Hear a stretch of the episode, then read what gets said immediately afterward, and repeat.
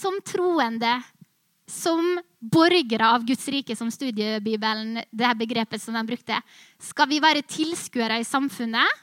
Skal vi benke oss inne i det rommet her og ha adventsfrokost og kose oss og be i lag og oppmuntre hverandre og, og ha med pålegg og spise mat og ha det kjekt. Bare vi. Her vi slipper å støte borti noen som kanskje mener noe annet enn oss. Som utfordrer oss litt. Eller skal vi ta steget ut og yte innflytelse i samfunnet rundt oss? Jeg heller meg mot det første, jeg, altså. Jeg har lyst til å være på adventsfrokost her. Vi skal gjøre det òg, det er ikke noe imot adventsfrokost. Men jeg tror at vi kan ikke bare forholde oss til det ene faktumet hvis vi faktisk i praksis, og ikke bare i ordet, skal være disipler av Jesus. Hvis vi skal være en etterfølger av Jesus, så fordrer det at vi også tar et steg ut og har innflytelse på samfunnet rundt oss. Er vi enige så langt? Ja. Så nå har vi da det første punktet. Vi må være klar over hva som står på spill, og det var oppsummert i denne. Hva er det vi ser? Nummer to han må kjenne seg sterkt personlig berørt. Det oppsummerer i hva føler vi? Og nummer tre, de to har vi gått gjennom i de to foregående møtene. møtene. Nummer tre, han må ha en følelse av at han kan gjøre noe med situasjonen. Hva gjør vi? er det vi skal snakke om i dag. Og det her er kjemperelevant. Det er et ord som heter apati. Og det betyr at du, når du blir apatisk, da blir du handlingslamma. Og jeg vet ikke om du kan kjenne det igjen i det ordet når du har sett, når du har møtt ei eller annen mening eller en trend eller en holdning eller bare sett noe som du bare reagerer skikkelig på i samfunnet. Det kan være politisk. Vi har jo noe som er ordentlig politisk engasjert her. Har du noen gang kjent på apati i møte med det som du ser i samfunnet, som er i direkte kontrast med det som du sjøl står for eller tenker er verdifullt, er viktig? Det har i hvert fall jeg gjort. Jeg har kjent på det her at jeg har ikke en følelse av at jeg kan gjøre noe med denne situasjonen. Jeg vil heller gå på adventsfrokost. Um, men så hva gjør vi? Og da har jeg bare lyst til at vi skal starte nå, for nå skal vi snakke litt tro til hverandre her på formiddagen. Vi har fått utrustning. Det var ikke det at Jesus sa du skal følge etter meg. Vi vil at du skal være en disippel av meg, du skal være lys og du skal være salt. Og du skal gjøre sånn og du skal gjøre sånn. I egen kraft. Kom igjen, you can do it. Just do it. Bare gå ut. Men han la til en del ting, og vi skal se inn i flere av dem. Men det ene som han sa, men vent først, sa han før han dro opp til himmelen. Jeg vil at dere skal vente her i Jerusalem, for det er noe viktig dere må få med dere på veien før dere kan gjøre det. Og da er vi da, Dere er sikkert kommet dit før meg. Apostlenes gjerninger, kapittel 1 og vers 8. Da har han altså sagt at de vil at dere skal være igjen her. Um, og så sier han dere skal få kraft når Den hellige ånd kommer over dere. Og dere skal være vitner om meg i Jerusalem og i hele Judea og Samaria og helt til jordens ende. For at vi skal ha en følelse, for at vi skal, kan gjøre noe med situasjonen, for at vi skal være en positiv påvirkningskraft i samfunnet, så tenker jeg at vi kan ha en sterk bevissthet om at vi har Den hellige ånd på innsida av oss. Det gjør noe med hvordan vi representerer Jesus her på jorda. Det gjør også noe med hvordan vi fører oss sjøl. Og, og, det kan gjøre noe med selvtilliten vår også, som en Jesus-disippel, av at vi vet at på innsida av meg På innsida av meg så bor Den hellige ånd. Vi sang i sangen her i stad The Godhead three in one. Father, Spirit, Son. Du har treenigheten boende på innsida av det. Jeg skulle ønske jeg kunne understreka det masse og hatt en ropert og ropt det ut. Bare, hvordan, hvordan, kan vi egentlig formidle det? Hvordan kan vi egentlig ta det innover oss at Den hellige ånd bor på innsida av meg? Hvor stort er ikke det? Om vi bare kan starte dagen med å meditere på det, grunne på det her faktum at Den hellige ånd bor i meg. Han har ligget i senga med meg i natt. Han eh, går sammen med meg ut døra her i dag. Han tar fatt på arbeidsoppgavene sammen med meg i dag. Han bor på innsida av meg. Og Jeg har sitert dette bibelverset så mange ganger, men det er bare fordi det er sånn åh, Det gjør så mye med tankene mine, det som står i Romerne 8,11. Det er at den samme ånd som Gud brukte da han reiste Kristus opp fra de døde, bor i det. Og da skal han også levendegjøre deres dødelige legeme ved sin ånd som bor i dere.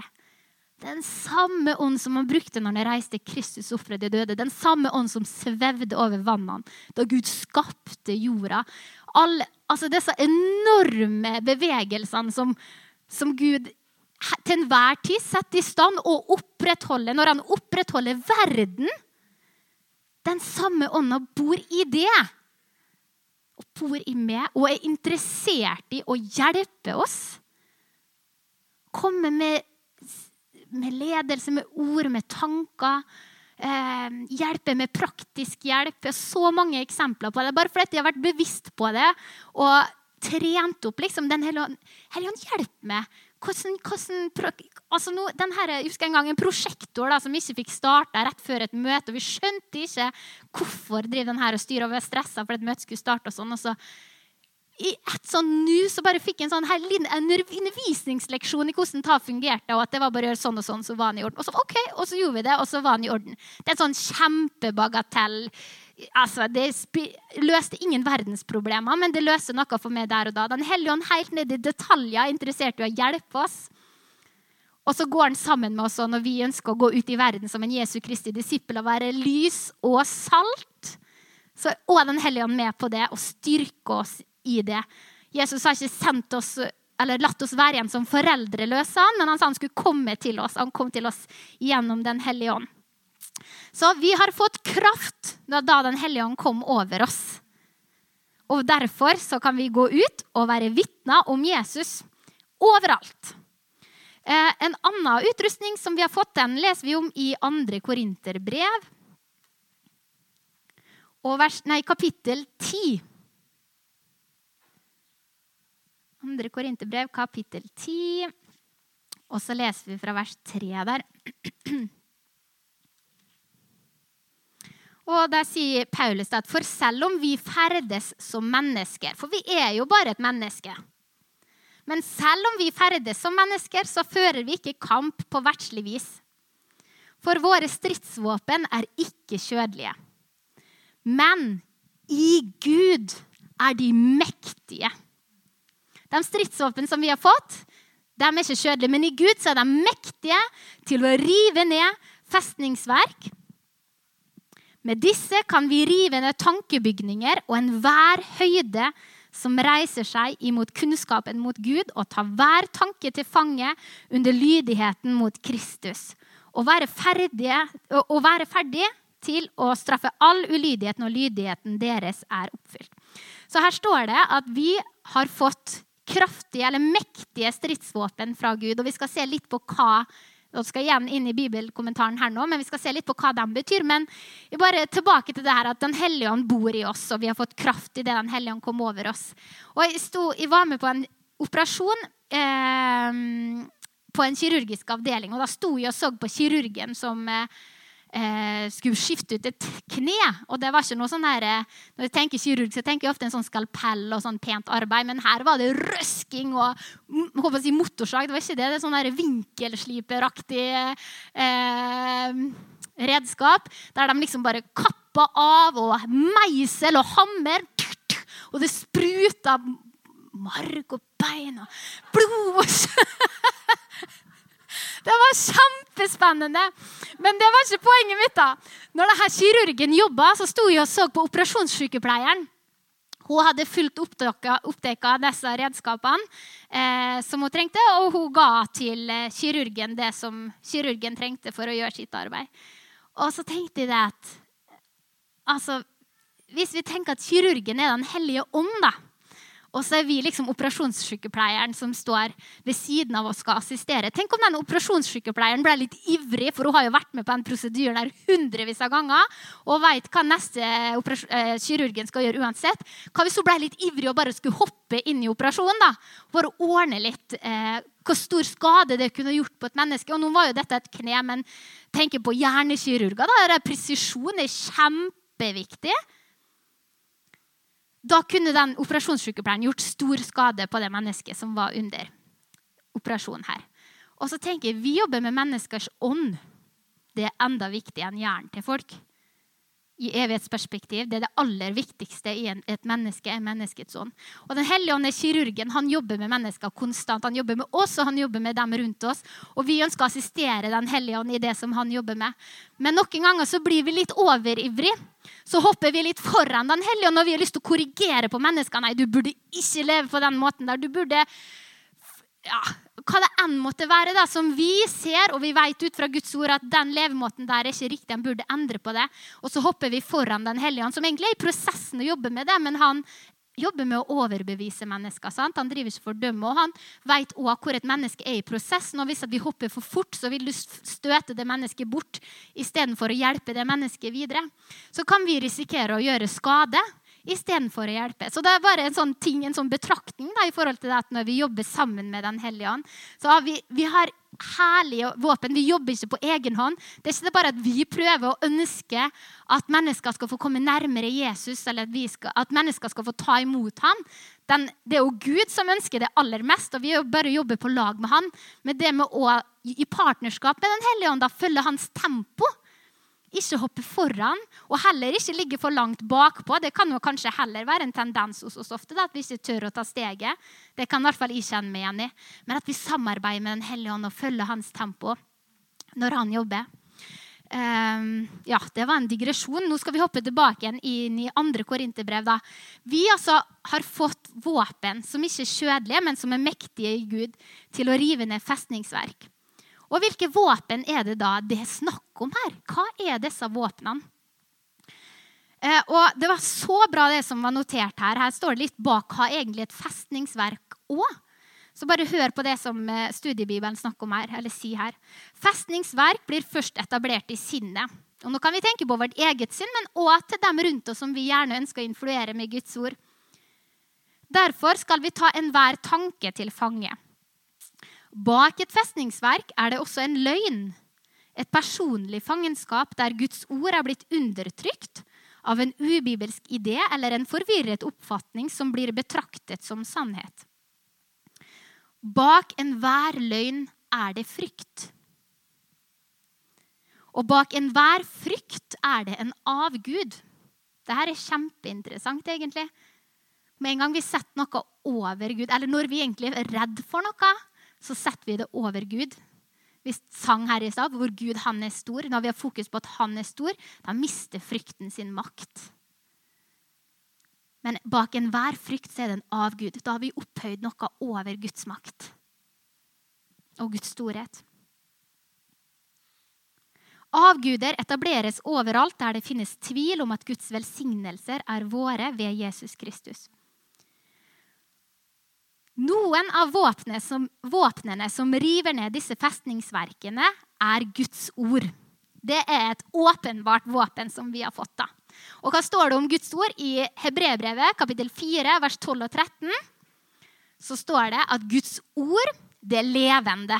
Det er det første. Det er ikke ei død bok du har foran deg, som ble skrevet for så, så mange tusen år siden. Det er ei levende bok, og derfor er den så betjenende fortsatt i dag. Og du kan lese den samme boka og de samme versene om og om igjen. Og når du leser det på nytt, så kan det komme nye ting som bare betjener det, og som taler til det, og som snakker til det. For Guds ord er levende.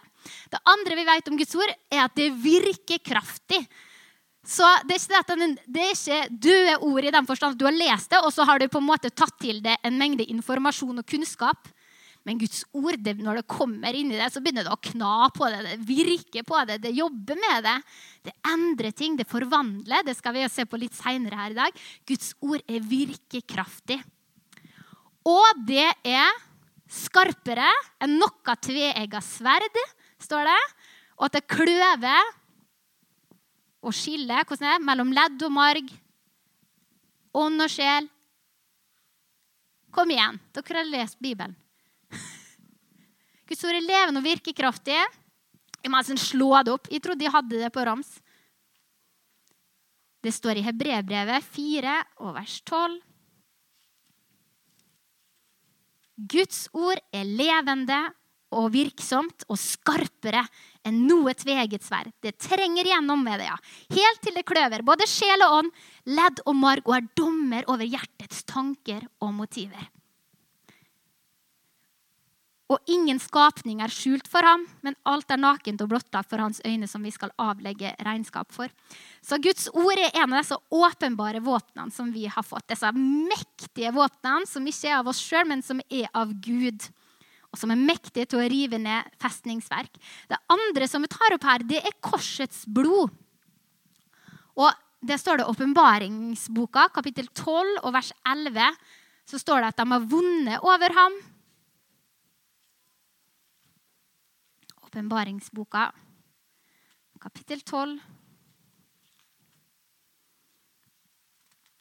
Og vers 11. Og de er seiret over ham i kraft av lammets blod og i kraft av sitt vitnesbyrds ord, og de hadde ikke sitt liv kjært like til døden. Og det tredje, det er Er det som kan gjette det? Hva er et mektig våpen som vi har fått? Ja, bønn. Bønn er et mektig våpen som vi har fått. Og når vi ber, da har vi direkte kontakt med Han som er allestedsnærværende. I ett nu så kan du være hvor som helst med dine bønner og utføre en oppgave eller en jobb, en endring. Han er allvitende. Han er allmektig. Så bønn er et fantastisk redskap. Flere?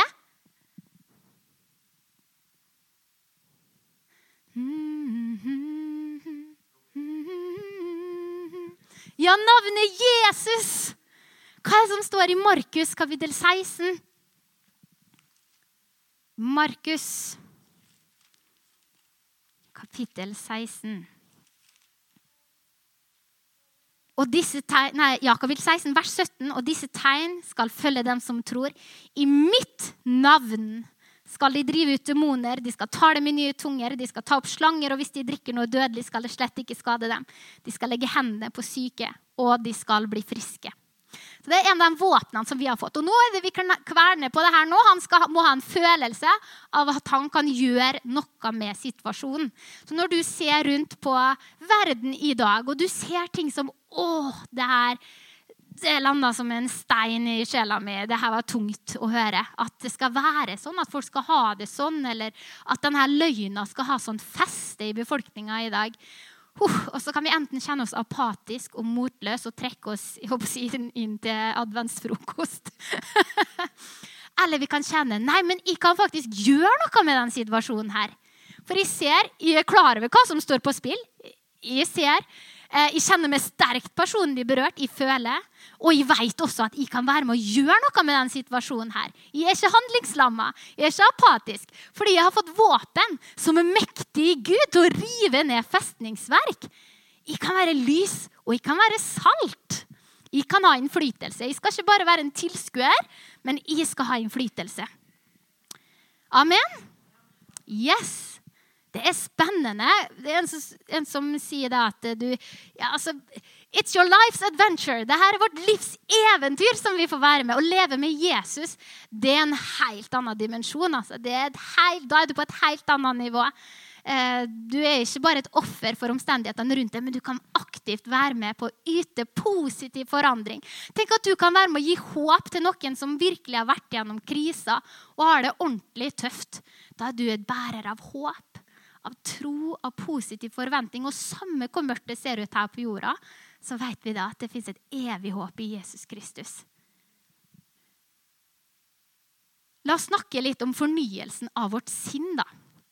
Vi kunne ha gått innom flere redskaper som Gud har gitt oss i vår hånd i forhold til det med å, å gjøre noe med situasjonen. Men nå bare ga vi noen drypp her, og du har sikkert enda mer enn jeg har både tenkt på og nevnt i dag òg. Eh, her har vi mange veteran, krigsveteraner her i rommet i dag som har mye erfaring og mange herlige historier av et liv med Gud. Um, men fornyelsen av vårt sinn. Og da skal vi gå til Romerbrevet kapittel 12. Fordi nemlig, og Nå skal vi snakke om litt forskjellig. Nå skal vi både innom immunsystemet, vi skal innom Facebook og sosiale medier og fornyelsen av vårt sinn. For det henger sammen eh, på en eller annen rar måte. I mitt hode, da. Eh, Romerbrevet kapittel 12 og vers 2. Der står det Det her er Paulus igjen som formaner å bli ikke dannet lik denne verden. Eh, det ordet 'dannet' på gresk det betyr skitso. Det er som en skisse eller en form. Og nå, kom på noe jeg hadde egentlig tenkt å ha med. Jeg har nesten som et sånn nøkkelknippe som er kjempefullt av pepperkakeformer. som vi har opp gjennom årene. Jeg synes det er litt artig med forskjellige typer. Men der har du en form. Se for deg at de har rangla mi med pepperkakeformer her. da. Eh, bli ikke dannet lik denne verden. Ikke bli trykt ut som i en form eh, lik og influert av verden. Men bli forvandlet ved fornyelsen av deres sinn. Og det ordet 'forvandlet' det ordet sier det jo sjøl. Å bli forvandla det handler jo om en endringsprosess der du blir til noe helt annet. noe nytt. Du blir ikke trykka ut i en form mm, mm, alle lik. Men et, det bruker det her samme ordet som vi har en annen prosess som vi navngir for, og det er metamorfose. Og hva, hva er det som gjennomgår en metamorfose? Ja, en sommerfugl, ja. Den er en larve.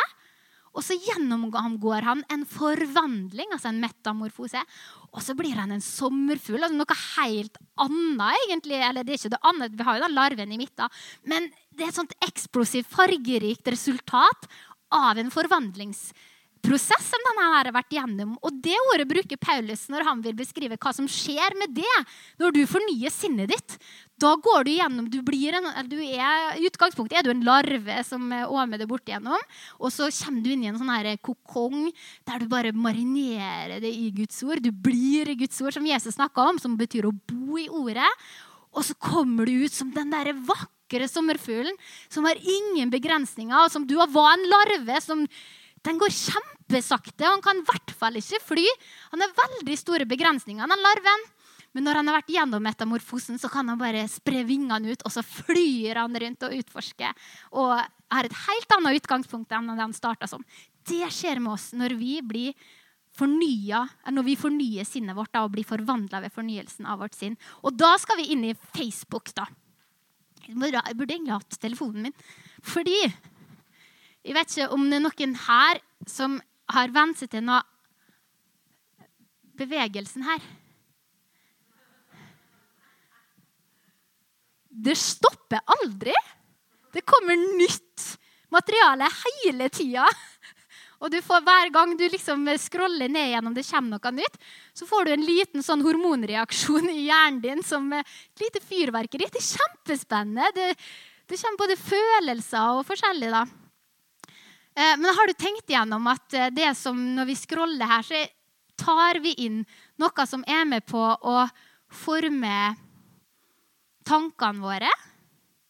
Oppfatninga vår av ting, vårt perspektiv? Um, da kunne vi hatt pepperkakeforma. Blir ikke dannet lik denne verden. Der brukes målretta, faktisk. og Da kan vi ta en liten sånn runde inn på det. Det brukes målretta og er en av årsakene til at mange som var med og starta ikke bare denne appen, men andre lignende sosiale plattformer, eh, de hoppa av fordi de fikk store etiske kvaler med å være med på en organisasjon hvor det potensielt da, så kan de være med på å forme et helt samfunn. De kan påvirke valg. Eh, altså jeg tenker sånne Nasjonale valg eh, og personlige valg de kan påvirke hva, hvordan folk tenker, mener, ja, gjennom det innholdet de velger å løfte fram da, eh, på sine plattformer. Det er kjempealvorlig. Eh, en annen alvorlig side av det er disse algoritmene. De er jo laga sånn at hvis du bruker 0,3 si, sekunder ekstra stoppe opp ved en post, så skal du bare legge merke til at du får lignende innhold ned igjennom. Da fortsetter den å mate i den samme retninga som oppdaga at oi, den personen er litt ekstra opptatt av dette temaet, ja, da gir vi mer av det. Fordi målet er at du skal bruke mest mulig tid på det produktet de har utvikla. Um, ehm, og det er med på å skape det som vi kaller for et ekkokammer. Så la oss si da, hvis at jeg og Paul Jonny står på hver vår side i debatten om ja, et eller annet, da. Kraftverk, sier vi. Og jeg er for, og han er imot. Og når han er imot, så har denne sosiale media lagt merke til at han bruker ekstra tid på meningsytringer som, stopp, som støtter hans synspunkt på dette området. Så han blir mata med den type, for det er jo det som han interesserer seg for, og han leser mest på. Det er det som holder han mest på denne telefonen eller det her eh, digitale mediumet som han bruker. Mens jeg er for, så jeg blir mata med motsatt. Så jeg blir mata med det som er for, sant? Og det fortsetter. Og, det, og hva gjør det med hodet mitt når jeg blir stående fast i et sånt ekkokammer som bare bekrefter mitt synspunkt hele tida?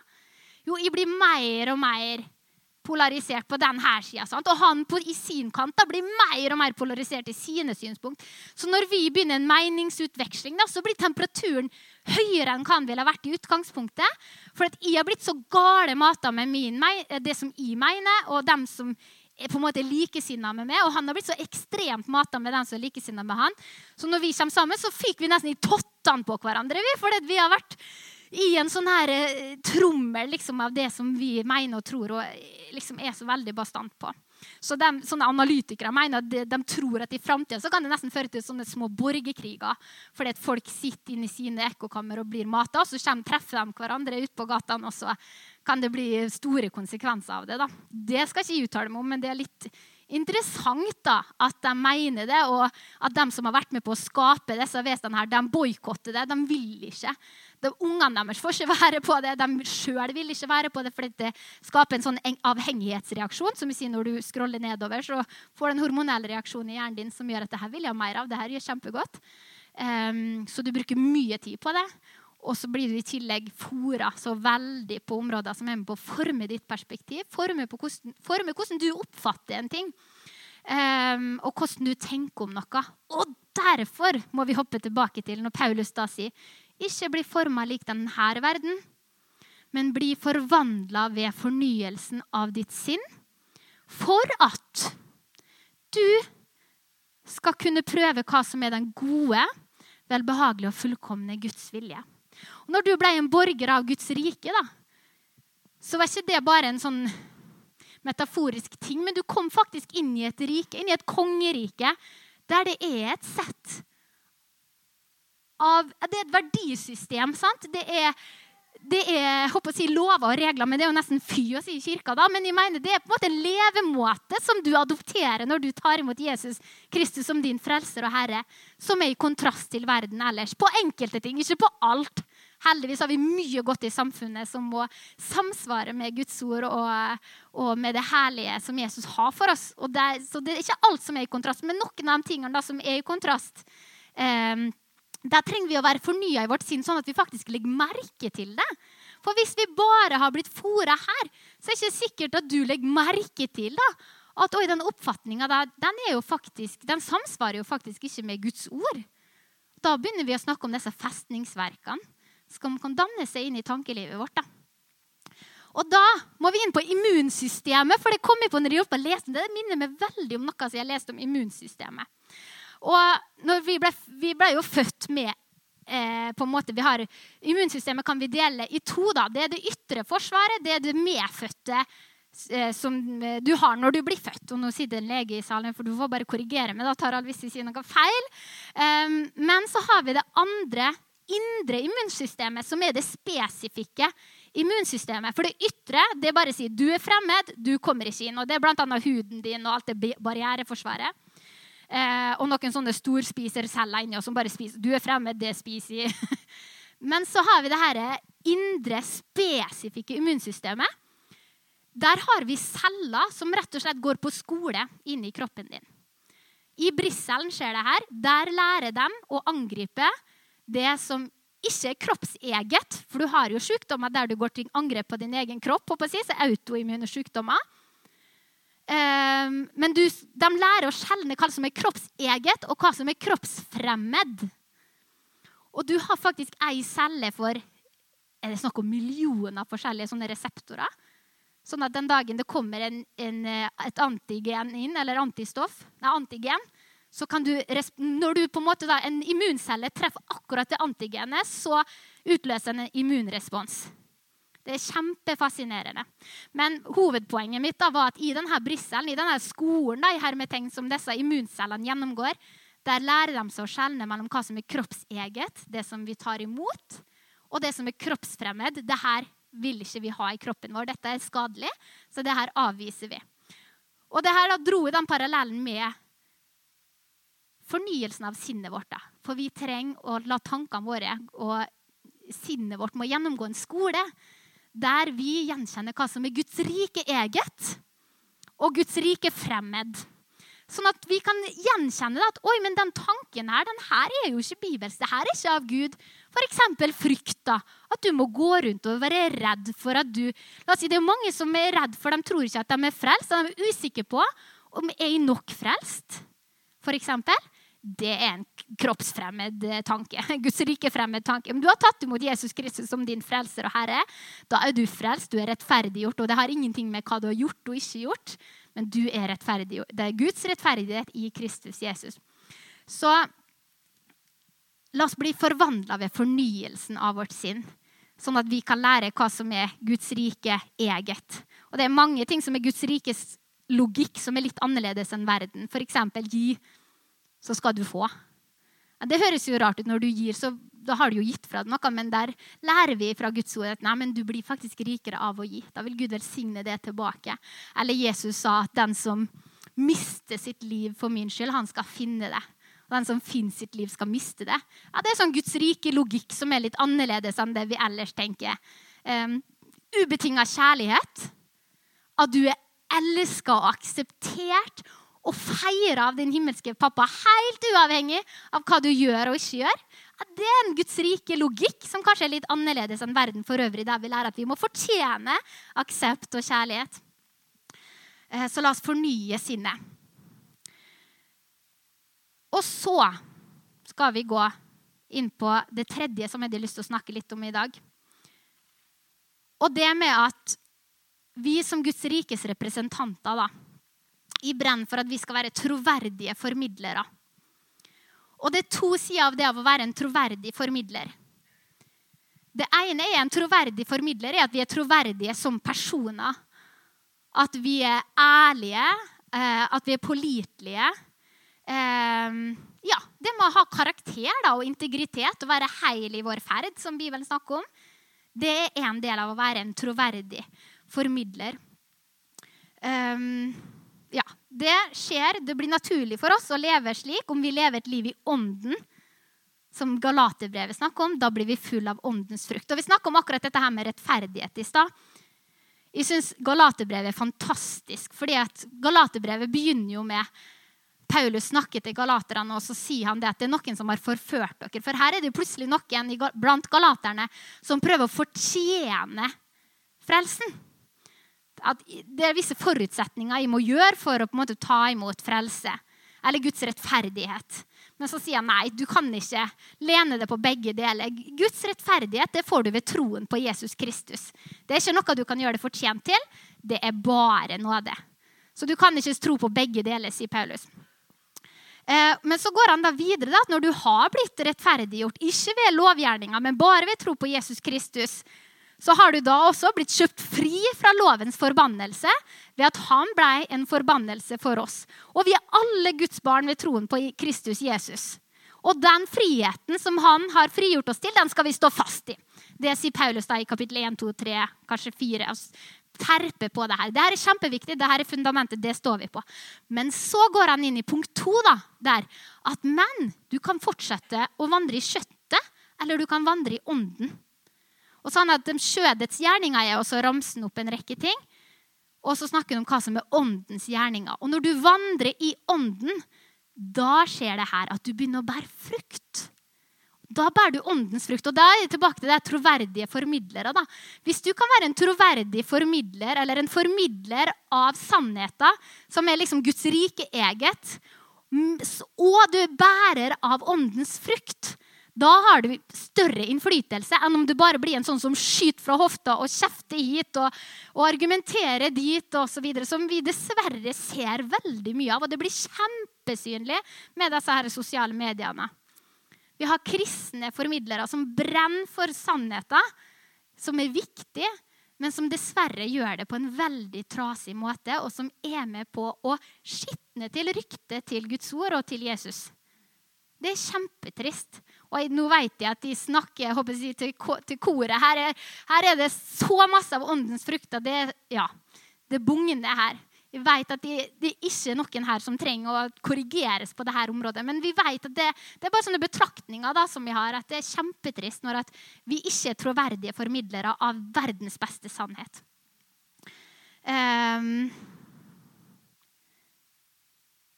ja, han sier jo her, Paulus, når han sa det, at du skal stå fast i den frihet som Kristus har frigjort deg til. Ikke stol på din egen innsats for å ta imot frelse så kommer det da bruk bare ikke friheten som en anledning for kjøttet, men tjen hverandre ved kjærligheten. Vandre i ånden, og dere skal slett ikke fullføre kjøttets begjær.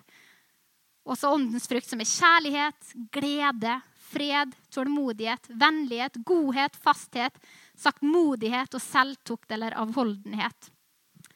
Så hvis vi lever i ånden, sier han, så la oss også vandre i ånden. Og da sier studiebibelen min at Den hellige ånd tar bort alle uforsonlige egenskaper fra karakteren til den som er under hans kontroll. Og det andre da med å være en troverdig formidler, det er at du er saklig. At du ikke kommer med påstander som du ikke kan legge kunnskap bak. F.eks. når man vil kritisere politikere, så er det veldig lett å si at de kommer bare med løgner. Er det sant? Det er jo ikke sant. Politikere kommer ikke bare med løgner.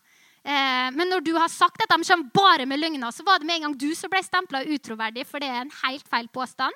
Og da kan de gode sannhetene som du egentlig ønsker å være en formidler av, de blir også bare Du blir ikke tatt hensyn til i debatten fordi du er en usaklig formidler, eller du er ikke en troverdig formidler. Så det da må være grundig på en måte når du kommer med, eh, med, gode påstander. Ikke generalisere, men være konkret og si at her er det, dette er ganske bra, men på akkurat det punktet så tar du feil, og her er hvorfor. Ja. Og Paulus da snakket andre Timoteus, bare kan ta akkurat i den troen her. Andre Timoteus være en troverdig formidler. Og i det òg kan det kanskje kreve litt av oss at vi setter oss inn i de sakene som vi kjenner er viktige.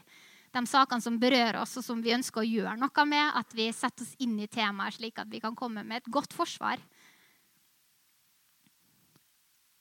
Kapittel 2 og vers 15, der sier Paulus.: Vær nøye med å framstille deg for Gud som en som holder prøve en arbeider som ikke trenger å skamme seg. En som deler ut sannhetens ord på rett måte. Så kan vi hoppe til vers 23. Men unngå tåpelige og barnslige diskusjoner, for du vet at de fører til strid. Og en Herrens tjener skal ikke stride, men være mild mot alle, i stand til å undervise, tålmodig og i ydmykhet irettesette dem som står imot, om Gud likevel vil gi dem omvendelse til sannhetserkjennelse slik at de kan våkne opp fra og komme ut av djevelens snare. De ble jo fanget av ham slik at de måtte gjøre hans vilje. Og vi kan bare tenke sjøl, når noen korrigerer oss, hvordan reagerer vi? Hvis de bare kommer med pekefingeren og begynner å hive ut en rekke karakteristikker og sånne ting mot oss, så vil vi absolutt ikke lytte oss. Vi går i forsvarsmodus tvert. Men hvis det er noen som vi ser at de oppriktig bryr seg om oss, og de er saklige, og de er ydmyk i sin irettesettelse. Som Paulus sier, det er jo kjempefin kombinasjon av ord. Ydmykt irettesette. Kan vi som borgere av Guds rike være sånne? Som ydmykt irettesetter. Ja, men du, jeg ser og jeg tenker, men det her er ikke bra fordi sånn og sånn. Hva tenker du om det? At vi kan invitere inn til en dialog istedenfor å være en sånn herre sånn der, Hva heter det når du bare ja, Kanon, da. Vi skyter, vi, langt fra så skyter vi kanoner over i andre leiren og tenker at nå har jeg innflytelse. Nå tar de ut sannheten her. Ja, Men hvordan er det på mottakersida, da?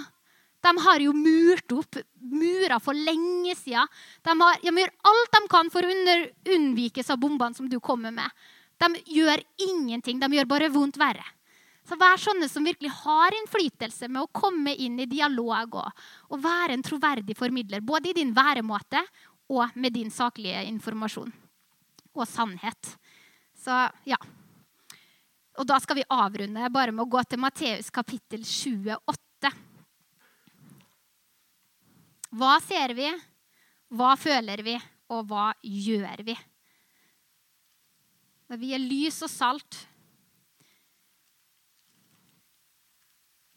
Jeg ønsker det at mitt liv her på jorda, at jeg skal kunne legge igjen noen fotavtrykk. da. At jeg kunne ha satt i gang noen ringvirkninger etter livet mitt. At jeg kan ha positiv innflytelse. Ikke fordi jeg har behov for det personlig, men fordi vi har blitt betrodd av Jesus Kristus. har vi blitt betrodd et godt budskap, et viktig budskap men det fordrer at de gjør noe. Det skjer ikke av seg sjøl. Det tok kjempelang tid å bla opp til Matteus 28. I Matteus i kapittel 28 og vers 18 så står Jesus fram. Han tar det til disiplene, til oss, og sier, 'Meg er gitt all makt i himmel og på jord.' Gå derfor ut og gjør alle folkeslag til disipler idet dere døper dem til Faderens og Sønnens og Den hellige ånds navn, og lærer dem å holde alt det jeg har befalt dere. Og se, jeg er med dere alle dager inntil denne tidsalders ende. Amen. Dette oppsummerer litt egentlig mange av de tingene som vi har vært innom i dag. Gå derfor ut. Vær lys og salt og gjør folkeslag til disipler idet dere døper dem til Faderens, Sønnens og Den hellige ånds navn, og lærer dem å holde. Det handler om å være formidlere. Troverdige formidlere. Og se, jeg er med dere. Vi går ikke ut i egen kraft, men vi har fått en hellig ånd på innsida. Vi har blitt gitt våpen som er mektige i Gud. Vi har fått sannheten. Vi kan utdanne oss både i denne boka her, men også i konkrete temaer rundt ting som vi ønsker å snakke om og belyse. Og så er det lett, i hvert fall når jeg hører misjonsbefalinga, altså Yes! Det her brenner for. Men så kan vi lett havne litt sånn i apati der òg. Han må ha en følelse av at han kan gjøre noe med situasjonen. Så ja, det er kjempebra at Daniel er ute i Tanzania og gjør noe. Yes, Kanskje jeg kan bli med han på misjonstur en gang. Eller hva skal jeg gjøre for å gjøre disipler? Det virker så det virker så vanskelig å gripe det an. Men jeg har bare lyst til å hoppe til første som Jesus sa. Gå derfor ut. Det er enkelt å gripe an. Det er kanskje vanskelig å hoppe fram at de skal døpe. Ja, må, vi må finne noen de kan døpe. Det er ikke der vi begynner. Men det begynner med at vi tar et skritt ut. Slik at vi kan komme i kontakt med noen. Og jeg husker, Det var tilbake i 2010, for det her var like før jeg ble gravid med førstefødte. Så sto det plutselig for meg at jeg kjenner ingen Eller jeg kjente, men jeg bruker ikke tid med noen som ikke kjenner Jesus. For på den tida hadde jeg jobba i menighet. Jeg hadde jobba med teologistudium. Jeg bare omgitt med konstant omga med for andre kristne. Hvordan skal du lede noen til Jesus om du ikke har kontakt med noen som ikke kjenner Jesus? Det er helt umulig. Da kan du stå med en kanon da, og skyte ut i, i intet på en måte, og håpe det treffer noen, men sannsynligvis gjør det ikke. Hvis vi ikke bare skal være en tilskuer, men ha innflytelse, så må vi komme i kontakt med noen som vi kjenner at jeg har lyst til å influere den personen her, fordi jeg har noe veldig godt som den personen her vil ha stor, stor fordel av å få gripe tak i. da. Så det må gå ut, og da leste jeg en bok som heter 'Walk Across the Room'. eh, gå over til andre sida av rommet. Og det handler om noe så enkelt som det her. Om du er i en eller annen setting og du ser noen, så ta steget ut og tør å si hei til noen og innlede en relasjon med noen. Og jeg gjorde ikke noen sånne kjempestore endringer eller innsats, men jeg bare endra en mentalitet der jeg ble litt sånn søkende på innsida av meg. Hvem kan jeg ha kontakt med? Hvem kan jeg bli kjent med? Eller hvem kjenner jeg allerede som jeg kan ha litt mer relasjon med? Og da er jeg kjempeimot at vi skal bli sånne utspekulerte kristne som har kontakt med folk At det er mål alene at de vil du skal bli frelst. Og alt jeg gjør, er sikta inn på å nå det målet. Da kommer du igjen i en sånn skyttergrav. Så da vil i hvert fall jeg trekke meg ut hvis noen kommer og skal selge meg noe. Det er alt de vil for at de skal være sammen med dem, at de vil at de skal bli sånn forever-kunde. eller ja.